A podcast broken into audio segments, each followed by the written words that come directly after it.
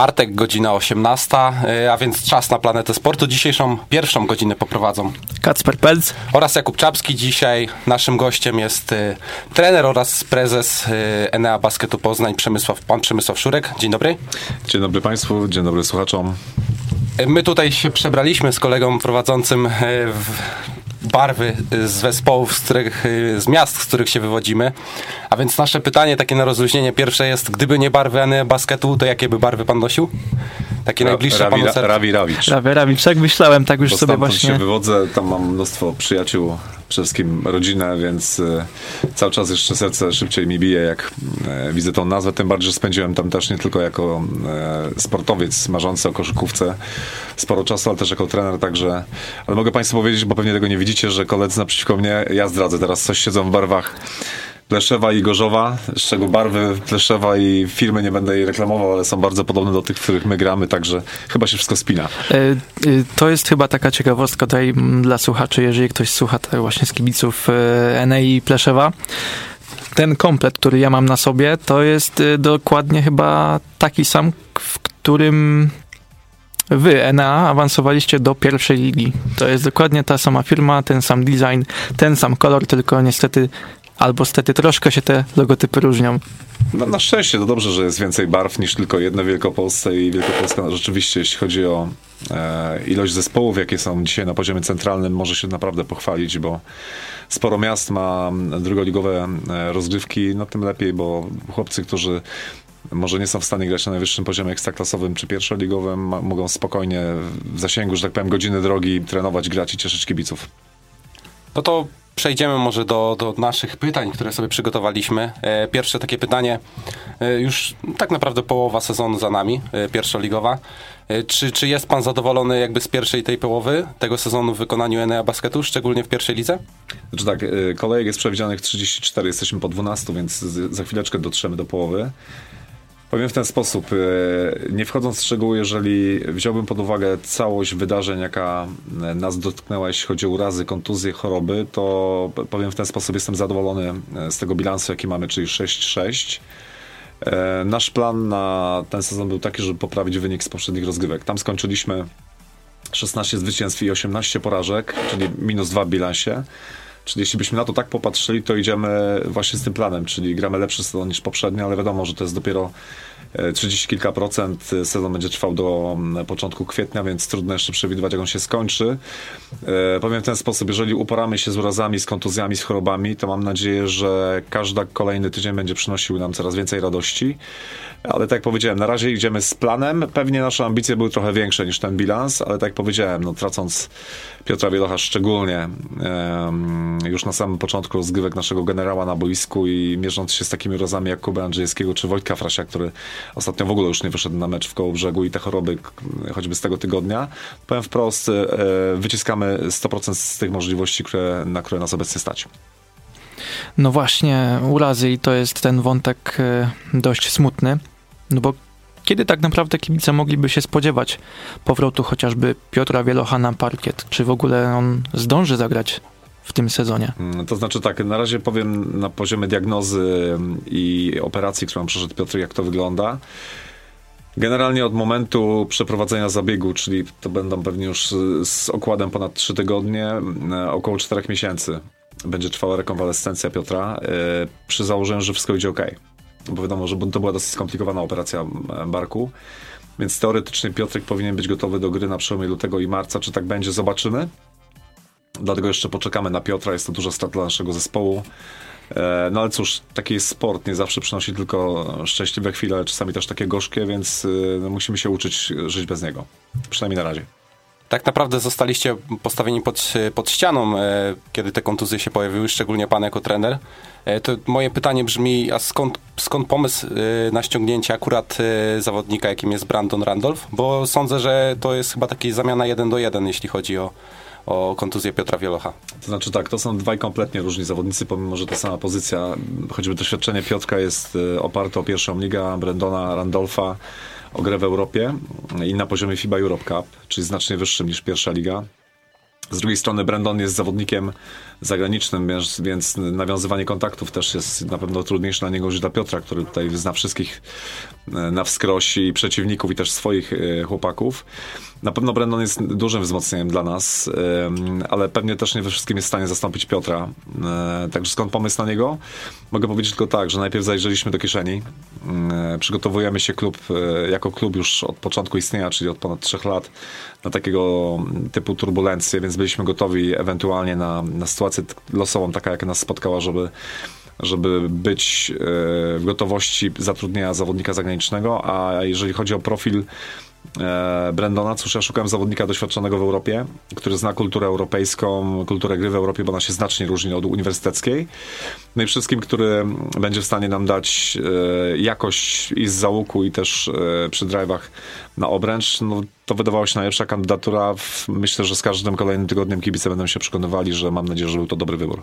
A czy pojawiła się jakaś bariera językowa? To, o czym już pan wcześniej wspomniał, że jednak Piotr Wieloch ma takim również jego głównym aspektem jest to, że no, przede wszystkim jest Polakiem i nie ma tej bariery językowej. E, no i jest bardzo doświadczony w pierwszej lidze. To też e, zupełnie co innego niż e, europejskie ligi, o czym już pan wspomniał. Mhm. Znaczy tak, co do bariery językowej, to pewnie zawodnicy musieliby powiedzieć, ale ja nie widzę problemu komunikacyjnego. Oni ze sobą rozmawiają i w szatni, i gdzieś tam przy okazji takich momentów, kiedy na parkiecie jest ku temu okazja. E, z pozycji sztabu też nie ma żadnego problemu komunikacyjnego. E, także myślę, że w większym lub mniejszym stopniu wszyscy się między sobą potrafią porozumieć. Przynajmniej ja tak to odczuwam, chociaż zadaję często pytanie, czy używając języka angielskiego na treningu jestem też rozumiany. Nawet się złapałem ostatnio w Kołbrzegu, że Brandon e, nie był w danym momencie na boisku. Wzięliśmy timeout, i, a ja mówiłem do Polaków po angielsku. Zacząłem się z siebie śmiać i pukać po głowie, ale czasami w emocjach, no właśnie, mówię do niego po polsku, a, a kiedy siedzą Polacy, mówię po angielsku, więc to są takie zabawne historie, ale myślę, że z każdym tygodniem będzie to przebiegało płynniej. Tu jeszcze może jedna kwestia co do, mm, co do personaliów, ponieważ e, ja wczoraj, albo nawet jeszcze dzisiaj rano, natknąłem się na taki wpis na Facebooku na grupie dyskusyjnej związanej z pierwszą ligą. I tam pojawiły się dość ciekawe pytania od kibiców, w ogóle kibiców z Polski. Co słychać w NA i co słychać u dwóch zawodników? Co słychać u, u Wielecha, u Wielechowskiego i co słychać u Kuby Fischera? Czy ten drugi właśnie zakończył przygodę z basketem? Jak to, jak to wyglądało? Znaczy tak, to może zacznę od Michała Wielechowskiego, bo on był pierwszy. Michał doznał kontuzji w okresie e, między sezonami, bardzo poważnej, bo związanej z kolanem. Ale to nie jest tak, że Michała nie ma w klubie, bo myśmy od razu zaprosili go do współpracy na czas kontuzji jako trenera. I mogę powiedzieć tylko tyle, że rodzice grupy U13, których serdecznie pozdrawiam, powiedzieli, że za nic nie pozwolą mu zostawić tych trzynastolatków, więc będzie musiał teraz się głowić, jak wrócić na parkiet, kiedy już osiągnie zdrowie, bo są bardzo z niego zadowoleni. My jako klub jesteśmy bardzo zadowoleni z niego jako trenera, bo zresztą Michał chciał być trenerem. On to komunikował od początku, kiedy przyjeżdżał do Poznania i wracał na stare śmieci. Także tak, tak Michał działa, prowadzi grupę U13, bardzo fajnie, zapraszamy nasze profile społecznościowe, bo tam widać mniej więcej na zdjęciach i, i, po wynikach, jak ta grupa rośnie w siłę. Co do Kuby Fischera, Kuba Fischer pojechał ze swoją małżonką na wschodnie rubieże kraju e, i może nie mamy jakiegoś bardzo częstego kontaktu, ale generalnie tak jak w ostatnim czasie ona, czy małżonka, poświęcała swoją grę mieszkając blisko Gorzowa, bo w Poznaniu, bo grała w zeszłym roku jeszcze w Gorzowie. O tyle tym razem Kuba postawił na to, że pojedzie za nią i z tego co mi wiadomo, przynajmniej na razie nigdzie w rozgrywkach centralnych nie gra, także pewnie jest to jakiś, mam nadzieję, chwilowy rozbrat, bo szkoda by go było, żeby już go więcej nie widzieć na parkietach, bo jest to bardzo charakterystyczny zawodnik. Teraz przejdziemy do takiego tematu, który mnie trochę trapi w tym roku, bo jest poglądając na tabelę, e, wiadomo, że tabela to tylko suche fakty i tak naprawdę to, co się dzieje na boisku, to zupełnie co innego, jednak bilans domowy NEI Basketu w pierwszej lidze to 2-4, a bilans wyjazdowy 4-2. Zupełnie odwrotnie niż w tamtym sezonie. Jak, jak, jak myśli pan, z czego to wynika? Nie mam pojęcia. Nie wiem. Nie wiem, jest to zaskakujące, mm, bo to też ma przełożenie, albo inaczej, statystyki meczy wyjazdowych mają też przełożenie na zwycięstwa, bo my o wiele lepiej bronimy na wyjazdach i też lepiej atakujemy. Nie potrafię na, na tą chwilę znaleźć na to odpowiedzi, bo gdybym ją znalazł, to pewnie byśmy więcej radości dali kibicom e, w meczach domowych. Ktoś kiedyś powiedział, że medycyna, w medycynie 2 plus 2 nie równa się 4 i podobnie jest w sporcie. Chcemy Robimy wszystko, żeby było przed naszą publicznością energetycznie dobrze, ale na tą chwilę chyba trzeba powiedzieć, że jakoś e, uciszamy publiczność na wyjazdach, a nie potrafimy ucieszyć własnej na parkiecie domowym. No ale cóż, no, sezon jeszcze przed nami długi, więc mam nadzieję, że zmienimy to. No właśnie, sezon długi, a za wami chyba najlepsze spotkanie w tym sezonie. Pewne, wysokie zwycięstwo no, na ciężkim terenie e, w koło brzegu w meczu z Kotwicą. No i właśnie, czy uważa pan, że zespół z biegiem czasu, tak jak sezon będzie się rozwijał, będzie notował coraz częściej takie, takie występy? Znaczy, generalnie każdy trener ma taki plan i każdy zespół. Um, ale nigdy nie jesteśmy w stanie powiedzieć, co będzie za 2-3 tygodnie, bo na to ma wpływ bardzo dużo czynników, jak choćby zdrowie, a w naszym przypadku ono bardzo mocno nas kołysze niczym e, statek na wzburzonym morzu.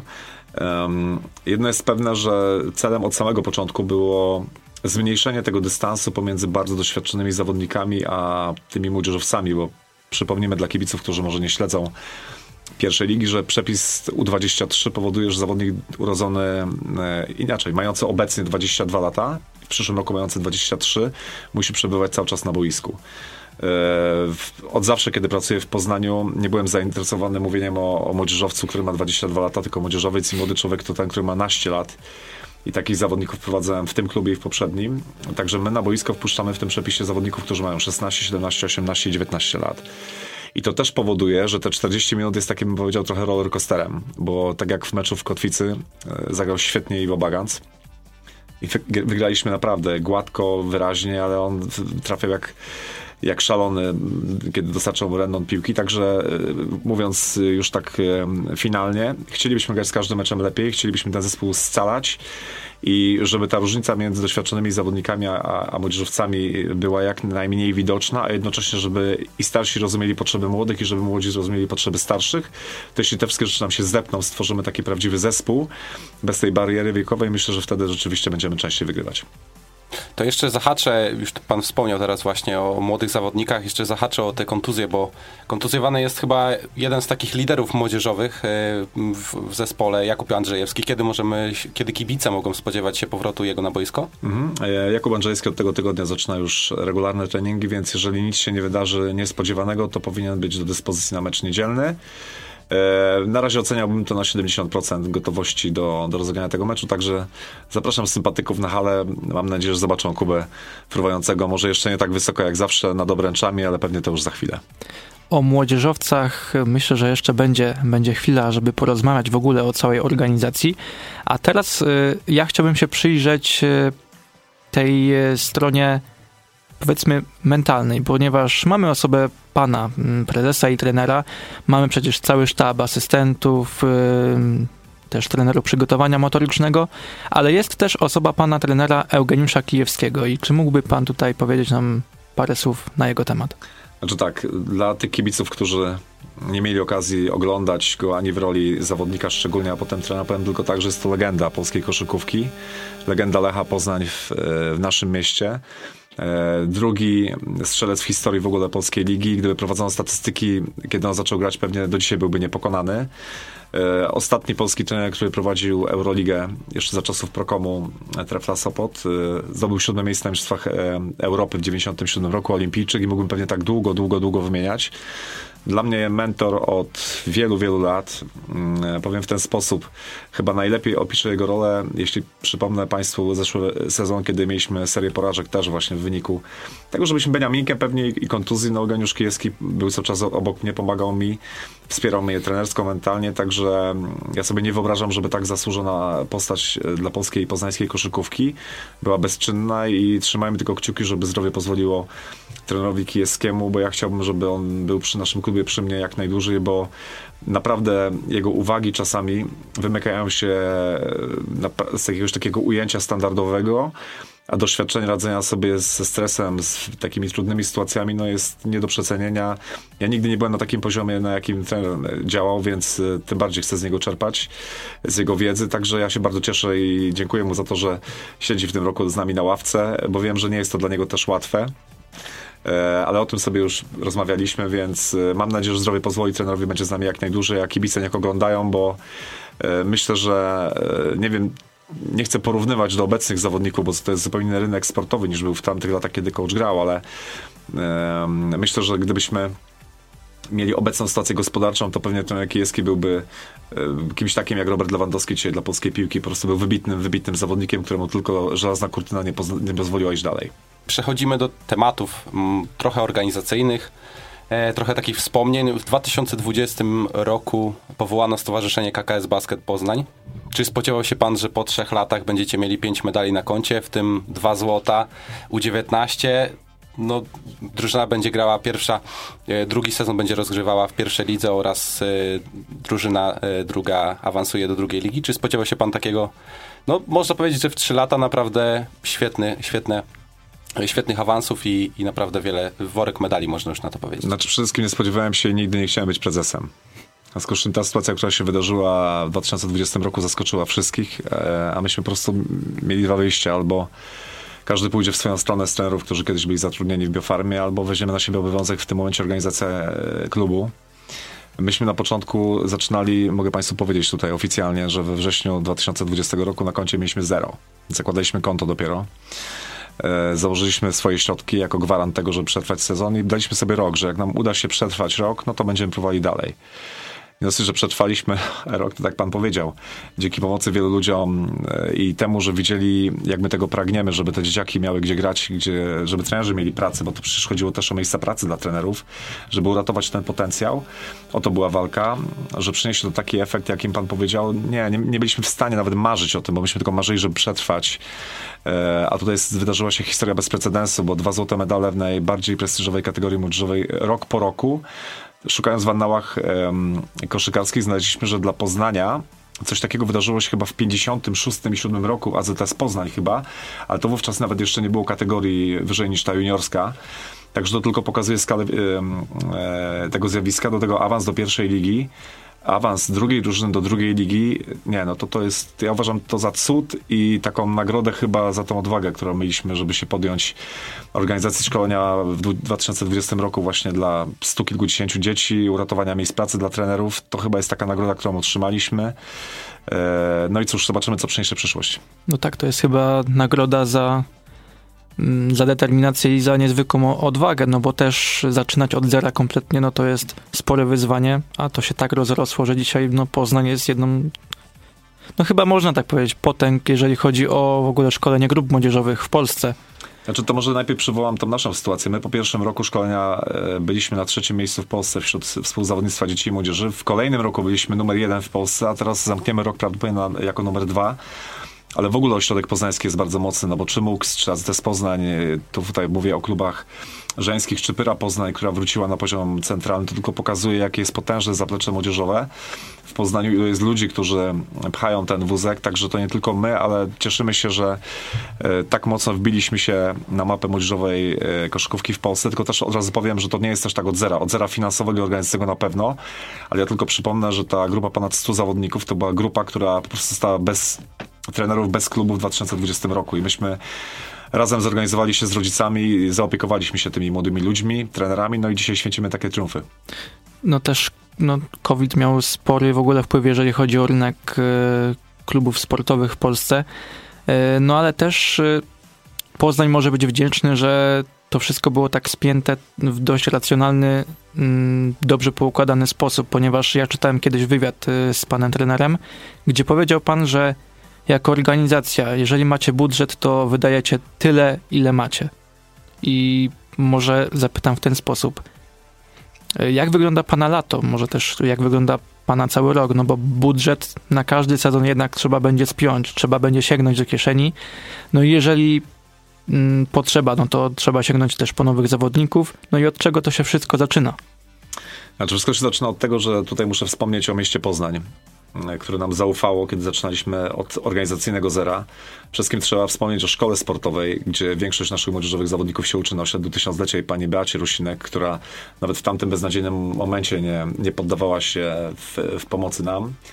Trzeba powiedzieć o tym, że firma Enea nam pomogła i mnóstwo, mnóstwo sponsorów e, prywatnych, którzy na to się, że tak powiem, składali ale wydaje mi się też, że przekonaliśmy ich tym planem, który pokazaliśmy, bo ja nie wyobrażam sobie piastowania stanowiska prezesa zarządu, jeżeli będziemy wydawać więcej niż, niż mamy. Ja po prostu nie chcę w takiej rzeczywistości żyć, bo żyłem w takiej rzeczywistości jako trener i nie chcę tego, tego nigdy więcej doświadczyć, czyli niezapłaconych pensji, niewypłaconych pensji zawodników, e, kołysance e, finansowej. Nie, ja w czymś takim nie, nie będę brał udziału, dlatego od e, tych trzech i pół roku wydajemy tyle, ile mamy. E, cóż, no, e, jesteśmy bardzo transparentni, jeżeli przychodzimy na rozmowy z kimkolwiek odnośnie funduszy, pokazujemy jak one wyglądają, jak je rozliczamy.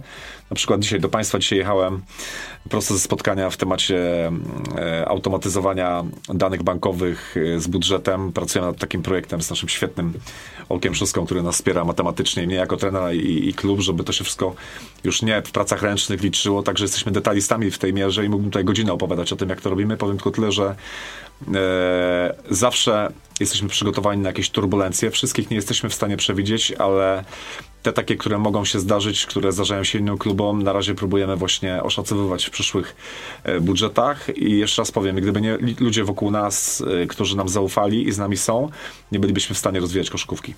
Wspomniał pan wcześniej, że, że nigdy pan nie chciał być prezesem klubu.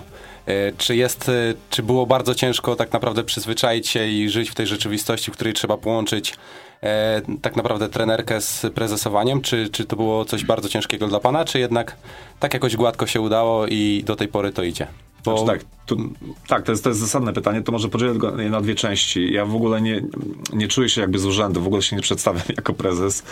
Nie, nie pamiętam, czy kiedyś takkolwiek zrobiłem. E, dzieje się to tylko dlatego, że dzięki takim osobom jak Gosia Demo, która trzyma całe biuro, zarząd, Czarek Kurzawski, czy Aga Suchecka, czy wszystkie media związane z panem Adamem Lejwodą, czy Beatą Brociek i mógłbym tak teraz wymieniać, wymieniać, wymieniać tych ludzi, to, to jest tak naprawdę, ja jestem tylko nazywany prezesem, ale to się rozkłada na mnóstwo ludzi, więc to jest ta jedna część, że bez nich nie byłbym w stanie działać, a druga rzecz jest taka, że niestety, ale obciążenie mentalne bycia prezesem i trenerem jest ogromne szczególnie kiedy ta drużyna flagowa zaczyna mieć problemy, no to ja nie ukrywam, że ja to dźwigam wtedy dwukrotnie. Z jednej strony przegrywam jako trener i przegrywam jako prezes. Nie jest to przyjemne ani łatwe, ale z drugiej strony też nikt mnie tutaj na siłę nie trzyma i ja też na siłę nie chcę zostawać i wszystko będzie, będę zawsze robił dla dobra klubu i dopóki jestem w stanie tej drużynie pomagać sportowo, a jednocześnie powiedzmy sobie wprost, koszty mojego utrzymania jako trenera są, są dużo mniejsze i nierynkowe. Jeżeli musielibyśmy kogoś sprowadzać, to też jest bardzo ważny czynnik. W związku z tym, e, dopóki będzie to możliwe, będę uczył te funkcje, ale e, nie ukrywam, no, patrząc na poznański rynek prezesów koszykówki, trzeba uważać na zdrowie, bo, każdy się zmaga z problemami i to coraz bardziej mi doskwiera, nie może nie jako sam fakt pogarszania się zdrowia, ale coraz bardziej mi się pali ta lampka, że przyjdzie taki moment, że będę musiał z którejś z tych funkcji rezygnować, bo mam też rodzinę, życie prywatne, zawodowe i e, pasja jest tym, co mnie napędza, ale musimy o siebie dbać, zarówno ja, Czarek, Agnieszka i wszyscy, którzy w klubie pracują, bo tutaj nikt nie pracuje na pełen etat tylko dla klubu. To ja się może tak spytam w perspektywie następnych pięciu lat e, w kwestii marzeń, gdzie by pan widział siebie oraz klub? Hmm.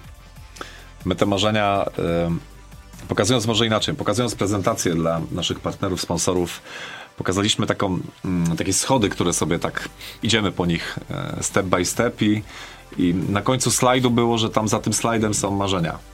Nie pokazaliśmy, e, jakie one są, ale pokazaliśmy, że tam idziemy. To może, I może powiem teraz językiem, trochę tak użyję fortelu i powiem językiem kibiców. Każdy by chciał, żeby koszykówka w Poznaniu wróciła na poziom ekstraklasy.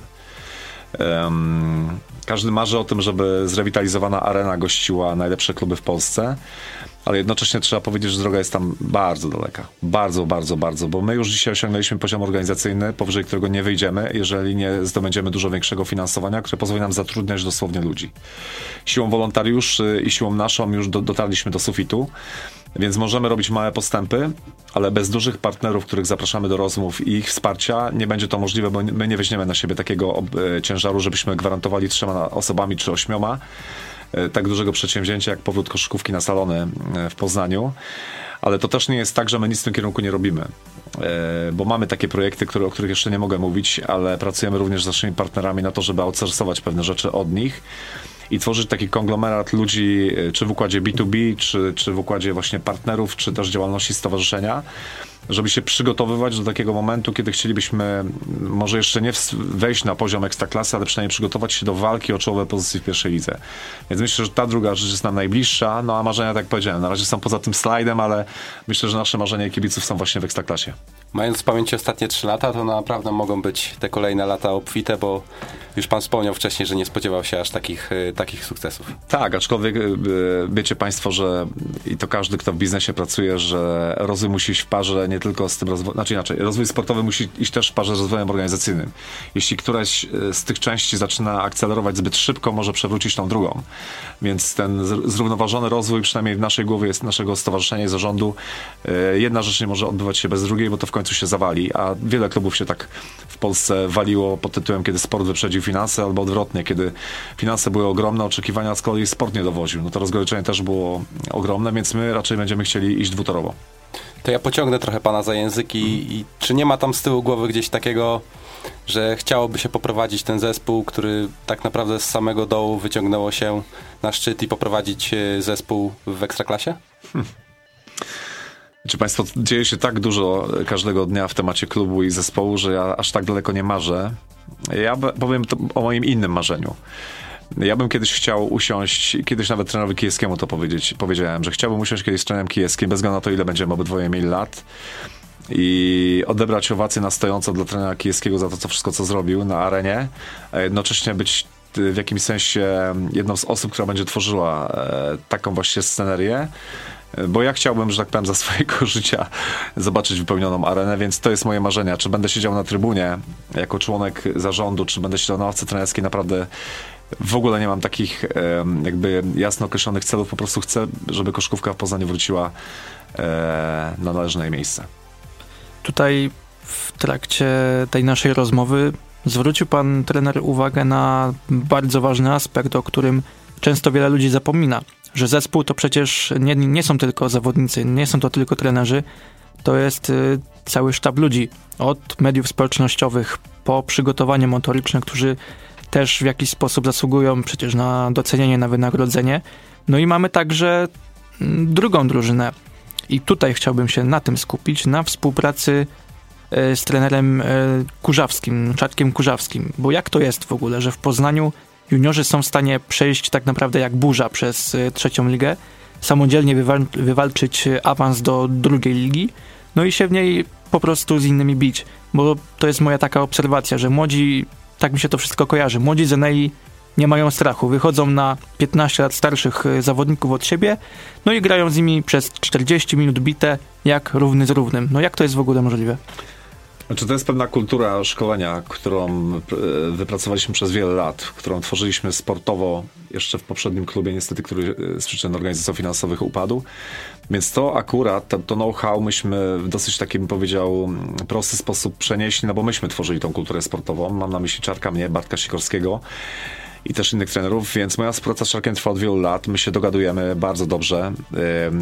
Nie rywalizujemy przede wszystkim ze sobą, co jest niestety bolączką wielu klubów w Polsce, że trenerzy ze sobą rywalizują wewnątrz. U nas czegoś takiego nie ma, więc pomagamy sobie jak tylko możemy. Czarek rozumie moje potrzeby jako trenera pierwszej ligi, ja rozumiem jego, kiedy w zeszłym roku musiałem oddawać zawodników, ale tylko i wyłącznie na te kluczowe imprezy, które skończyły się Mistrzostwem Polski. Co do drugiej ligi, no cóż, no niewiele jest e, klubów w Polsce, które ma odwagę to robić, my to robimy, tylko tu chciałem powiedzieć tak, że czapki z głów dla Czarka Kurzawskiego i wszystkich trenerów, którzy swoim nazwiskiem podpisują się pod też tymi takimi ciężkimi porażkami, bo e, jak pan powiedział, często walczą do ostatnich minut i zwycięstwo wymyka się w ostatnich sekundach i trener musi wracać w głowie z tą przegraną, robiąc coś dla młodych ludzi, wiedząc, że to przyniesie efekt, a nie zawsze tak naprawdę odbiera z tego e, realny poklask, także szapoba dla Czarka i dla innych trenerów, którzy się poświęcają dla tych młodych ludzi. Mam nadzieję, że oni i rodzice e, już albo z perspektywy czasu to docenią, bo naprawdę jest to praca, której mało kto się w Polsce chce podejmować. No i to jest też mm, kolejny aspekt, że dobrze jest mieć taką dobrą, taką dobrą współpracę, ponieważ pan jako trener drużyny pierwszoligowej tak naprawdę już nie musi się martwić o to zaplecze, jeżeli chodzi o wypełnienie wymogu młodzieżowca w składzie. Tak, tylko ja też z premedytacją troszkę stawiam się na takim gorącym krześle, dając szansę 17-18-latkom grać w pierwszej lidze. Inni tego nie robią, albo robią to bardzo rzadko. Ale z drugiej strony po to jest projekt młodzieżowy, żeby tym chłopakom dawać szansę, a niech ci, którzy o nią najbardziej zawalczą, tak jak choćby Iwo Bagan z ostatnim meczu, niech biorą e, te minuty, bo one są do wzięcia. Ja to robię odważnie. Czasem jestem za to krytykowany, że nie wypełniam tego przepisu naprawdę 22-latkiem, ale akurat tym się nie przejmuję, bo wierzę w to, co robimy z Czarkiem. Z drugiej strony proszę zobaczyć teraz, mamy tyle kontuzji, nie mamy problemu z liczebnością na treningach, po prostu przychodzą chłopcy z grupy młodszej, oni znają system. Oczywiście nie mają doświadczenia fizyczności, ale płynnie wchodzą w treningi. I to jest naprawdę ogromna siła i powiem Państwu, co powiedział Brandon e, Randolph, jak e, po kilku treningach powiedziałem, że zmagamy się tutaj z kłopotami i jest dużo młodych, on mówi, coach, nie ma problemu w ogóle, ja jestem zdziwiony, ile oni umieją. Także no to, to jest chyba najlepsza odpowiedź na to, co robimy w Poznaniu. Także jeszcze raz podkreślę, gdyby nie współpraca z Czarkiem Kurzawskim e, i rozumienie siebie nawzajem, gdyby nie było w zeszłym roku medalu ani utrzymania, bo, bo naprawdę ciężko było Czarkowi czasami ustać, jak ja nie dawałem mu zawodników, bo potrzebowałem ich pierwszej lidze. E, no cóż, a, a, tak naprawdę ja też rozumiem to, jak czasami muszę jemu oddać, aczkolwiek nie ukrywam. W tym roku to większy ciężar jest na nim, bo ja to jednak zabieram od zawodników, a nie on mi. Przygotowałem sobie taką statystykę.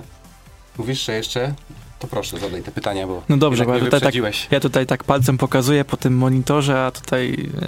Jeszcze cię coś trapi. tak, jeszcze mnie coś trapi, bo właśnie y, trapi mnie taka kwestia, jak mm, chciałby, czy chciałby pan, żeby koszykówka polska wyglądała w taki sposób, jak teraz zaprezentuje? Że na poziomie ekstraklasy grają najlepsi i gwiazdy, w pierwszej lidze grają seniorzy na wysokim poziomie, a druga liga to jest młodzież. No bo teraz ta proporcja zdaje się być nieco zachwiana, bo druga liga to mamy dość taką pomieszaną tą ligę, bo mamy miks seniorów z młodzieżą, są zespoły właśnie, gdzie grają dwudziestolatkowie i nie tylko, są zespoły mieszane i są też takie, które no, typowo nastawiają się na awans i gdzie grają po prostu doświadczoną armią. Znaczy nie czuję się, żeby e, mówić, jak powinna wyglądać polska koszkówka. Mogę powiedzieć, e, co uważam, jak powinny być kluby zorganizowane, które wtedy miałyby wpływ na, na takie holistyczne podejście. Znaczy uważam, że dla wszystkich klubów profesjonalnych e, powinien być wymóg posiadania szkolenia młodzieży. Za to szkolenie młodzieży trenerzy młodzieżowi powinni być dobrze wynagradzani. Bo to jest największy mankament, że ktoś, kto pracuje w Rawiczu, w Opalenicy, w Pleszewie, w innych miastach, oddaje zawodnika do dużego klubu i właściwie nic z tego nie ma. No tak nie, nie powinno być. I trenerzy powinni naprawdę odczuć, a szczególnie wtedy, kiedy ten zawodnik dojdzie do poziomu ekstraklasowego. Jeżeli zostałby zorganizowany taki model finansowy, ludzie w mniejszych ośrodkach widzieliby sens kształtowania zawodników i ta pro propagowanie i powszechność tego sportu by rosła, a z niej brały się, brałyby się te talenty, które dobrze oszlifowane stanowiłyby o takich klubach jak właśnie mecz, który dzisiaj się odbędzie między Panathinaikosem i, i Partizanem, gdzie Mateusz Ponitka będzie z Olkiem Barcowskim grał. Może nie dla wszystkich kibiców teraz jest jasne to, co mówię, ale chodzi mi o to, że najpierw powszechność, e, jasne zasady gry, bo dzisiaj społeczeństwo jest naprawdę nastawione już kapitalistycznie i ideowców brakuje i jeżeli nie zmienimy tego, to za chwilę zabraknie w ogóle trenerów do pracy z młodzieżą. Więc zanim będziemy górnolotnie mówili o polskiej koszykówce, powinniśmy pomyśleć o powszechności koszykówki w Polsce dzieci i młodzieży. Każdy klub powinien być zobligowany, bo ja nie rozumiem, jak klub może mieć 10 milionów e, budżetu, a nie mieć, e, nie wiem, 200-300 tysięcy na grupy młodzieżowe. Jest to dla mnie niepojęte i uważam za hipokryzję polskiego sportu. I my tak nie robimy, my się temu przeciwstawiamy, niesiemy ten ciężar, ale uważamy, że tak powinno być właśnie. Więc już zamykając klamrą to, jeżeli będzie w końcu znormalizowana sytuacja wynagradzania trenerów, a szczególnie tych, którzy e, dowożą e, jakościowych zawodników z poziomu od tych 10 latków w górę, potem będą kluby szkolić młodzież i trenerzy będą wynagradzani tak, jak powinni być. E, wtedy będziemy mogli mówić o powszechności sportu i o szkoleniu jakości trenerów, którzy wpłyną na, de facto na poziom wyszkolenia zawodników, a tym samym wówczas już jest tylko kwestia zebrania najzdolniejszych i utworzenia z nich kadry seniorskiej. A czy spoglądając generalnie na, na polską koszykówkę. Czy idzie to w dobrym, e, w dobrym kierunku, Pana zdaniem? Znaczy na pewno, e, nie wchodząc może w politykę, ale zaangażowanie się spółek Skarbu Państwa miało kluczowy wpływ na uregulowanie przede wszystkim sytuacji PZ Kosza, e, która była dramatyczna jeszcze wiele lat temu. E, teraz e, budżet rzeczywiście się rozrósł i to widać już choćby po tym, jak organizowane są kadry młodzieżowe. To jest na pewno ważna rzecz. Bardzo ważną rzecz zrobiły jeszcze poprzednie chyba władze, e, dając dostęp do środków finansowych z Ministerstwa Sportu pod tytułem Kosmy, e, czyli, że tak powiem, wsparcie finansowe dla klubów szkolących młodzież. E, więc to idzie na pewno w dobrym kierunku. Jeżeli popatrzylibyśmy na wyniki kadr młodzieżowych w ostatnich latach, czyli głównie grające w dywizji A po stronie męskiej, czy kadry seniorskiej, E, występ na Mistrzostwach Świata czy na Mistrzostwach Europy, no wydawać by się mogło, że to już naprawdę w dobrym kierunku. Więc myślę, że na pewno bardzo pozytywnie oceniam to, co się dzieje w koszykówce, ale proszę mi wierzyć, że bardzo dużo rzeczy, które trzeba naprawiać, dzieje się tam, gdzie nie ma kamer, gdzie nie ma prasy na dole i, i takie apele o wsparcie trenerów młodzieżowych i małych ośrodków to jest chyba klucz sprawy, które musi być w końcu podniesione. Przejdziemy teraz do takiego pytania już podsumowującego jakby dany rok, przygotowałem sobie do tego pytania już e, stricte, które przygotowałem. Przygotowałem sobie taką statystykę, e, jak to, chciałbym, żeby pan po prostu ocenił dany 2023 rok, bo jednak zbliża się on ku końcowi. E, w pierwszej lidze bilans 16 zwycięstw i 14 porażek, w marcu Mistrzostwo Polski U19. Jak pan ocenia działalność tylko w tym 2023 roku? Super. Znaczy to, że byliśmy w stanie rok do roku um, zwiększyć budżet pierwszoligowy, że mamy już dwie drużyny na poziomie centralnym, pierwszą, drugą ligę, że zdobyliśmy back-to-back -back Mistrzostwo Polski U19, no cóż, no chyba nic więcej nie, nie powinienem powiedzieć, tylko chwilę trwaj. Tak, jeszcze mi się nasunęło teraz. Mówił pan trener o w ogóle o obrazie polskiej koszykówki. No i wpadła mi do głowy taka jedna rzecz. To mi się akurat, nie wiem, wyryło mi się to w pamięci. Czy pan trener nadal pyta zawodników na treningach e, z wyników e, w ekstraklasie? Bo kiedyś miałem e, przyjemność być na jednym z treningów, tak z okiem kamery z Pawłem Jonikiem. No i właśnie zebrał pan się w kółko z chłopakami i zaczął pan zadawać pytania. Jaki był wynik na przykład meczu trefla? Hmm, to jest bardzo ciężkie pytanie i nie wiem, czy powinienem odpowiadać na nie. Przepraszam. powiem wprost zmienia się e, młodzież w Polsce, zmienia się społeczeństwo, zmieniają się też zawodnicy. Kiedyś zawodnicy żyli tylko i wyłącznie koszykówką 24 godziny na dobę i nadal tacy są. Ale też jest spora część zawodników, która kocha koszykówkę, trenuje, ale wcale nie żyje nią poza parkietem i to wcale nie czyni gorszymi. Więc nie ukrywam, że czasami robimy sobie quiz, który budzi czasami dużo śmiechu, a wręcz onieśmiela niektórych zawodników, a szczególnie ci starsi potrafią im tam dopiec, więc powiem w ten sposób, świat się zmienia, więc ja się zmieniam, więc wszystkie pytania, które zadawałem kiedyś, zadaję również teraz. E, jakby nie krytykując nikogo, taka po prostu jest rzeczywistość. Dzisiaj TikTok przejął umysły, dłonie i oczy sporej części młodych zawodników. Ja nie będę z tym walczył. Staram się tylko tyle, żeby wiedzieli najwięcej, jak powinni o swoim zdrowiu o swojej pozycji na boisku, o tym, jak my mamy grać, żeby wygrywać, a nie będę im aż tak mocno wchodził w to, co dzieje się poza boiskiem to na pewno atmosferę pan dba w drużynie i może pociągnijmy, już zbliżamy się ku końcowi niestety, czas nas nagli, yy, o pana. Czy pan żyje tą koszykówką, czy jest, jest tam jakaś chwila czasu, jakąś chwilę czasu pan znajduje, aby zainteresować się chociażby NBA, czy na przykład Euroligą? Jaki klub jest taki panu najbliższy? Drodzy Państwo, to może powiem, jak wygląda życie takiego przeciętnego trenera na basket Poznań. Pracuję zawodowo, po pracy zawodowej cały czas, cały swój czas prywatny poświęcę na przygotowanie się do treningów, treningi, analizy, a przecież mamy jeszcze dzieci, żony, bez których nie moglibyśmy tak się angażować, więc powiem w ten sposób. Żyję bardzo mocno koszykówką, e, wypełnia na mój cały prywatny czas, który nie poświęcam na, na rodzinę, bo na inne rzeczy po prostu nie mam czasu. I chciałbym oglądać mecze Euroligi, oglądam tylko skróty, na NBA nie mam czasu i mówię to zupełnie uczciwie ale też dla higieny y, życia nie będę ukrywał, że staram się mieć jeden dzień w tygodniu, który poświęcam tylko i wyłącznie na bycie z rodziną. Czasami oczywiście włączamy mecze, ale dla zdrowia takiego bym powiedział psychicznego y, tak to wygląda. Czy mam ulubiony zespół? Y, jestem w ogóle fanem hiszpańskiej koszykówki, byłem na, na stażu również w Mursi, więc nie ukrywam, że bardzo mnie się podoba ta, może nie oryginalna, ale taki specyficzny sposób szkolenia Hiszpanów, więc nie będę tutaj udawał, że Barcelona, Real Madryt to nie jest coś, co mnie się podoba podoba, ale naprawdę włącząc AC, włączając ACB, każdy zespół gra naprawdę przyjemną dla oka koszykówkę i chyba wielu z kibiców z Polski potwierdzi to samo.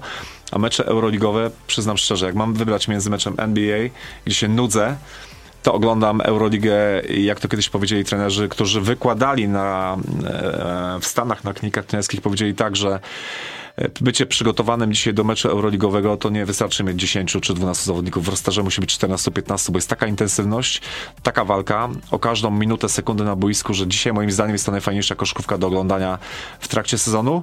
E, nie mówię o playoffach NBA, bo to jest inny basket, ale jesienią i wiosną oglądam tylko Euroligę. No i tutaj ja jestem z tej odpowiedzi bardzo zadowolony, bo właśnie tutaj e, w całej naszej grupie Planety Sportu zawsze dostawałem pytania, jak to jest możliwe, że ty się interesujesz Euroligą, że ty lubisz oglądać europejski basket? No ja mówię tak. Y, słuchajcie, po co ja mam oglądać y, tyle spotkań, albo nawet skrótów, bo przecież mecze są w nocy? Po co mam to NBA śledzić? Skoro tutaj mam sezon yy, i tam mam 30 parę spotkań, gdzie walka jest tak naprawdę cały czas w każdej minucie, w każdej sekundzie jest walka na całego. Tak naprawdę o życie. E, nie chcę konfabulować, ale dobrze pamiętam, w zeszłym sezonie była najmniejsza w historii Euroligi różnica pomiędzy drużynami zwycięskimi a przegranymi. Ta średnia, ona, ona była na poziomie kilku punktów. To tylko pokazuje, jak spektakularna jest rywalizacja i przede wszystkim nie ma jednej rzeczy. Nie ma tankowania do draftu, nie ma takich historii, które powiedzmy w, w, dla mnie jest to biznes, a, a już nie sport, a, aczkolwiek NBA robi super biznes. W Eurolidze nie ma takiego, takiego kalkulowania, więc jak pan powiedział, tak, włączamy telewizor i, i tak jakby za chwilę ktoś miał zginąć. Tak, no ja, ja oczywiście jestem po tej stronie, która śledzi oczywiście częściej NBA, jednak no też tutaj mm, przyklepuję to zdanie, bo jednak faza zasadnicza NBA to jest no tak naprawdę granie na pół gwizdka. Jeszcze teraz próbują zrobić to, aby zawodnicy nie odpoczywali sobie, aby kibice mogli oglądać, y, ale to też się do końca nie udaje. No przechodzimy czas nagli, ale spytamy się o ten mm, niedzielny mecz, czy, czy będzie poprawiony, czy pana zdaniem w końcu będzie poprawiony ten bilans domowy, bo teraz y, podejmiecie u siebie w niedzielę o godzinie 8.16 KKS Polonie Warszawa. Znaczy, drodzy Państwo, Nigdy się nie spodziewałem, że będę w stanie publicznie odpowiedzieć, że nie wiem, jaki będzie wynik e, meczu niedzielnego, ale wiem, jak się do niego przygotowujemy. Jeżeli będziemy się tak dobrze przygotowywać jak w zeszłym tygodniu, i żadne kwestie zdrowotne ani mentalne nam nie przeszkodzą, to powinniśmy zobaczyć dobrze grający zespół. I to mogę Państwu za, zagwarantować, bo nawet nie myślę jeszcze o niedzieli, za chwileczkę jadę na trening i myślę tylko i o wyłącznym dniu, bo nie chcę się rozpraszać, bo tak naprawdę poprzez przygotowanie chcemy zbudować pewność siebie na parkiet e, domowy, bo wiemy, że kibice mają prawo być zawiedzeni, że, że tak to jeden z kibiców napisał, chciałbym zobaczyć taki mecz w Poznaniu po naszym zwycięstwie w Kołobrzegu, więc chcielibyśmy im dać trochę radości. Deklaracji nie chcę składać, bo rzeczywiście dzieją się w tym roku przedziwne historie w kontekście naszego parkietu domowego, e, ale proszę wierzyć, że przez najbliższe dni będziemy robili wszystko, że e, ci kibice, którzy przyjdą e, na 16 w niedzielę na halę dawną Citizen, obecnie hala AWF przy drodze Demiskiej, zobaczyli naprawdę walczący na parkiecie o każdy centymetr zespół. No to pozostało nam na pewno życzyć powodzenia i oby, oby się to udało, oby kibice mogli y, ponownie y, obejrzeć zwycięstwo i bilans domowy na końcu tego sezonu y, był na plus. To, to, na dzisiaj już to wszystko. Naszym gościem był pre, trener. Nie przedstawiam już jako prezes, bo sam pan powiedział, że nie, nie przedstawiać tak pan Przemysław Szurek. Y, dziękuję bardzo, pozdrawiam słuchaczy, pozdrawiam byłych redaktorów też, z którymi tu miałem okazję się przez lata spotykać. Dziękuję za zaproszenie i niech Radio Meteor nie przestaje nadawać i abyśmy się spotykali w kolejnych sezonach. Dziękuję bardzo, to była przyjemność. A dzisiaj po drugiej stronie mikrofonu Kacper Pelc oraz Jakub Czapski.